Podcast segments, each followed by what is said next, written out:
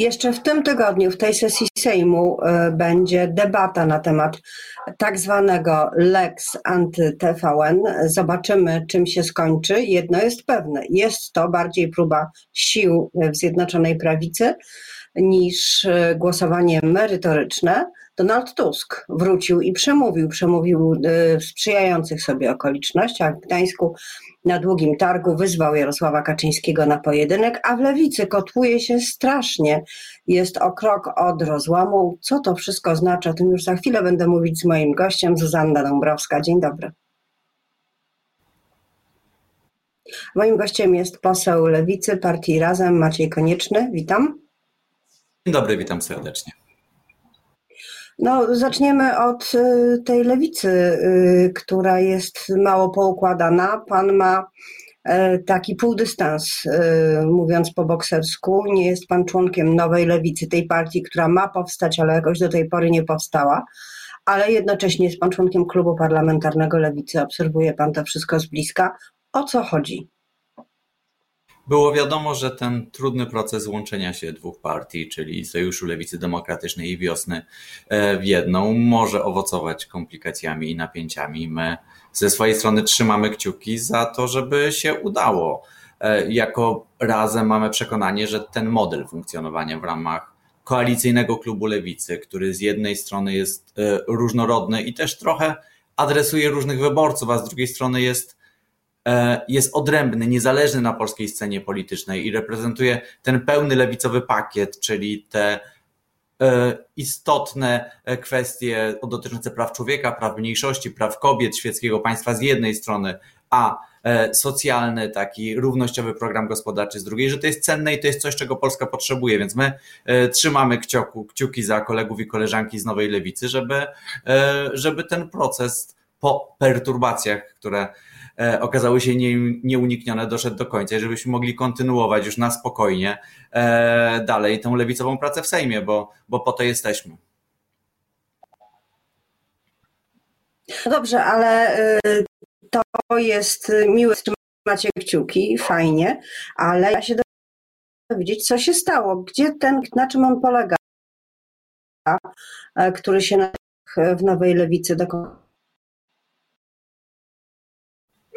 Wracając, no mam wrażenie, że tak dobrze nam się dogaduje także dlatego, że współpracujemy, szanując także swoją autonomię i, i to też nie, myślę, że dla dobra lewicy też e, warto, żebyśmy niespecjalnie angażowali się w swoje wewnętrzne sprawy. Partia razem zdecydowała się nie dołączać do nowej lewicy e, i też nie, nie, nie chcielibyśmy przesadzać z tym komentowaniem, z tym, co się dzieje u naszych partnerów, bo pewnie też byśmy nie chcieli e, w przypadku jakichś rzeczy, które działyby się u nas, żeby, że, żeby nasz koalicjant zajmował się wewnętrznymi sprawami razem. Mam wrażenie, że tak taka formuła współpracy nastawiona na zewnątrz, na, na wspólnotę celów e, politycznych jest po prostu skuteczniejsza i budzi mniejsze napięcia, więc, więc zupełnie szczerze, martwimy się, martwimy się, bo ten projekt lewicowy jest cenny i chcielibyśmy, żeby e, w tym kształcie był kontynuowany. Zależy nam na tym, żeby zachować ten pluralizm na lewicy i ten koalicyjny charakter klubu i odrębność od E, od chociażby e, szerokiego obozu liberalnego, bo Polska po prostu potrzebuje lewicy. I z tymi nadziejami i obawami patrzymy na to, co się dzieje w nowej lewicy.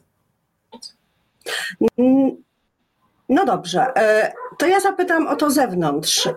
Leszek Miller. Włodzimierz Czarzasty dzisiaj w wywiadzie dla Rzeczpospolitej mówi o tym, że być może to, co się dzieje, jest efektem tego, że Leszek Miller działa na rzecz podziału na lewicy po to, żeby jej część zapisać do koalicji obywatelskiej, bo tam już sobie znalazł miejsce, tam będzie kandydować. Czy rzeczywiście tak jest, że ta grupa, która została zawieszona, to mogą być sojusznicy Leszka Millera, któremu jest absolutnie nie po drodze z Włodzimierzem Czarzastym? Myślę, że między obu politykami e, no, jest bardzo mało pozycji. Nie zdziwiłbym się. Nie jest oczywiste niestety w Polsce taka że lewica jest niezależnym bytem i, i wiele osób chętniej by widziało lewicę w ramach e, wielkiego obozu, powiedzmy, konserwatywno-liberalnego, aktualnie pod wodzą Donalda Tuska. I, e, I to, że ta lewica parlamentarna konsekwentnie mówi swoim głosem, z pewnością się wielu osobom nie podoba i myślę, że to jest część tego napięcia, z którym mamy do czynienia. I oczywiście Leszek Miller, który e, zarówno za swoich rządów, jak i teraz preferował kurs raczej taki radykalnie wolnorynkowy, neoliberalny, nie cieszy się na to, że, e, że lewica jest, e, jest socjalna, e, jest socjaldemokratyczna i mówi swoim głosem i pewnie wolałby, wolałby, żeby było inaczej i, i nie zdziwiłbym się, jakby, jakby dokładał swoje trzy grosze tam, gdzie tylko może, żeby tą lewicę skłócić i rozbić. Tak? No, tym bardziej mam nadzieję, że to się nie uda i że utrzymamy swój kurs. Jaką rolę w tym e, wszystkim, w tym konflikcie i jednoczeniu się e, odgrywa partia Razem? Czy to jest taka rola konsiliere, czyli kogoś, kto jest e, bardzo mądry, zna teorię, przeczytał wiele książek, ale specjalnej siły sprawczej nie ma? Czy wy chcecie być takim głosem sumienia lewicowego dla Włodzimierza Czarzastego, czy raczej budujecie zdecydowanie własną opcję, kilkoro posłów razem? Bardziej martwi nas to, e, jaką rolę, czy bardziej chodzi nam o to, jaką rolę możemy odegrać w Polsce. Wszystko wskazuje na to, że obecna władza Prawa i Sprawiedliwości szczęśliwie e, powoli już kończy swoją rolę i nic nie wskazuje na to, żeby miała wygrać kolejne wybory. Bardzo dawno Prawo i Sprawiedliwość nie miało sondaży, e, które mogłyby ich przybliżać chociażby do samodzielnego rządzenia. I naszą rolę jako lewicy w ogóle widzimy tak, że, że jeżeli rządy Prawa i Sprawiedliwości się zakończą, to będzie pytanie, jaka ma być ta Polska po, po Prawo i Sprawiedliwości? I od tego, jak silna będzie lewica w przyszłym parlamencie zależało będzie to, na ile ta Polska będzie sprawiedliwa, na ile ta Polska będzie nowoczesna, a na ile będzie powrotem po prostu takim jeden do jeden do tego, co było e, przed, e, przed Prawem i Sprawiedliwością. I tego wolelibyśmy uniknąć. I, i my jako razem chcielibyśmy takiej lewicy, która, e, która upomina się o te prawa człowieka, prawa kobiet, prawa mniejszości, ale także nowoczesną politykę gospodarczą i będzie w stanie skutecznie się o nie upomnieć e, w przyszłym Sejmie. Do tego muszą być spełnione dwa warunki. Po pierwsze, lewica musi być silna, to znaczy musi mieć tyle głosów, e, tylu posłów, tyle posłanek w przyszłym Sejmie, żeby jej głos był decydujący, e, a po drugie musi konsekwentnie bronić tych wartości i stać przy, przy, przy swoim programie. I, i, I w ramach klubu staramy się, żeby, żeby tak było, tak? Czyli, e, czyli chcemy, żeby możliwie szeroki, szeroka była ta oferta, bo my też wiemy, że to, co proponuje razem w swojej wyrazistości, no w tym momencie nie do wszystkich wyborców trafia. Niektórzy woleliby e, taką ofertę e, preeuropejską, e, nowoczesną, którą proponuje wiosna, a niektórzy obstają przy tradycyjnym e, takim e, robieniu polityki instytucjonalnej, partyjnej, w którym lepszy jest sojusz lewicy demokratycznej. I mam wrażenie, że wszyscy e, razem, wspólnie w przyszłym parlamencie jesteśmy w stanie przesunąć Polskę na lewo i to jest cel. No tak, ale y, statystyki i wyniki wyborów pokazują, że elektorat lewicy, która by to nie była lewica, jest dostępny i na przykład w wyborach prezydenckich to Rafał Trzaskowski zabrał głosy y, lewicy.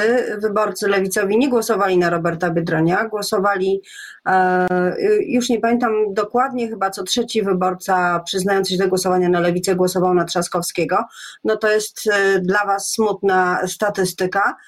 Czy y, macie pomysł na to, kto właściwie jest tym lewicowym wyborcą? Na kim należy się skupiać? Bo widać, że takie szerokie y, łapanie no, może się skończyć jakimś wypadkiem przy pracy. Nadciągnął Donald Tusk. On też pewnie jakąś część elektoratu może lewicę odebrać nadciągnął Donald Tusk i to jest znamienne, bo Donald Tusk jednak jest symbolem e, powrotu do tego, co było. Zresztą to, co miał okazję już powiedzieć podczas tych swoich pierwszych wystąpień, na to wskazuje. Chociażby wczoraj, kiedy mówił między innymi o tym, że najgorsze, co się Kościołowi katolickiemu w Polsce przytrafiło, to prawo i sprawiedliwość. To znaczy, że wcześniej było fajnie, że wcześniej Kościół katolicki to odgrywał pozytywną rolę w polskiej polityce zapewne, ale przyszło prawo i sprawiedliwość i, i ten Kościół zepsuło. No to jest w ogromnej kontrze nie tylko do oczekiwań lewicy, ale bardzo wielu wyborców, którzy, e, którzy jednak chcieliby, żeby Kościół rozliczył się z, z skrycia pedofilów chociażby w swoich szeregach, którzy chcieliby europejskiego prawa, jeżeli chodzi o przerywanie ciąży, jeżeli chodzi o decydowanie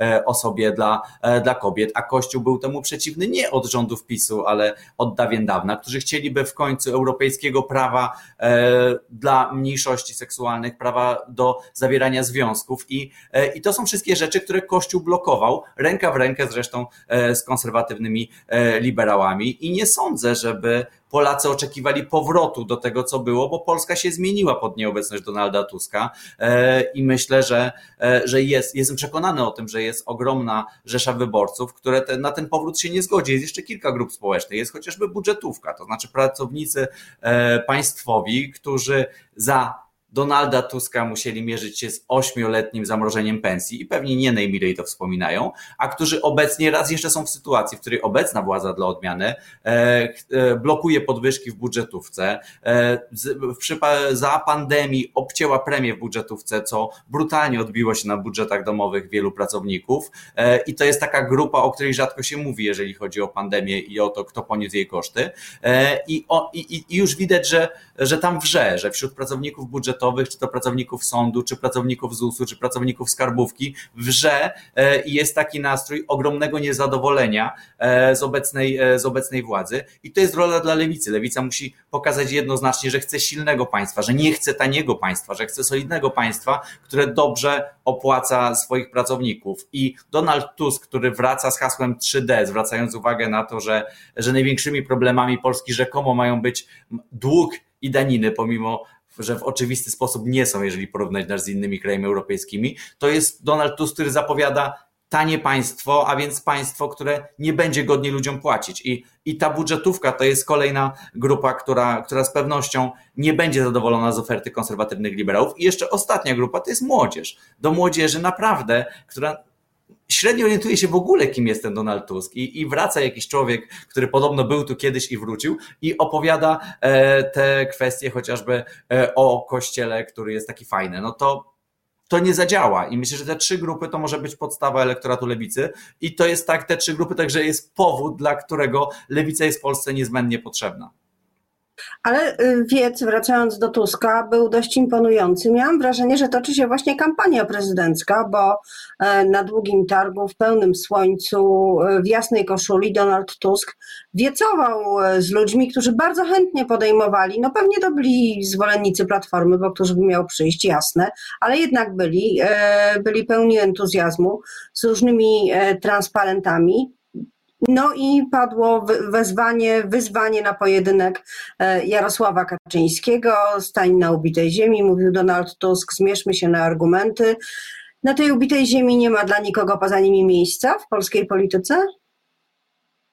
Donald Tusk wydaje się być dobrym pomysłem na ratowanie Platformy Obywatelskiej i konsolidowanie tych e, wiernych wyborców tej formacji, którzy są jacyś, są konserwatywni e, dość, e, jeżeli chodzi o kwestie światopoglądowe praw człowieka i są dość liberalni gospodarczo, są także przywiązani, są jak takimi patriotami trzeciej RP, czyli tych, tego, tego, co było przed Prawem i Sprawiedliwością. I dla nich Donald Tusk z pewnością jest ich przywódcą i, i może pomóc Platformie Obywatelskiej, żeby przynajmniej zatrzymać ten spadek sondażowy, który jej towarzyszył, ale to jest za mało mało, żeby wygrać z Prawem i Sprawiedliwością, bo żeby wygrać z Prawem i Sprawiedliwością, to trzeba e, zachęcić do głosowania i tych, te osoby, które w Gdańsku e, tak się cieszyły na powrót Donalda Tuska, jak i te, e, te grupy, o których mówiłem wcześniej, które mogą być nieco mniej zadowolone z takiej oferty politycznej. Co do tego pojedynku, no, no to nie brzmi najlepiej, tak? No mamy sytuację, w której dwóch mężczyzn chce sprowadzić polską politykę raz jeszcze do takiego personalnego, westernowego sporu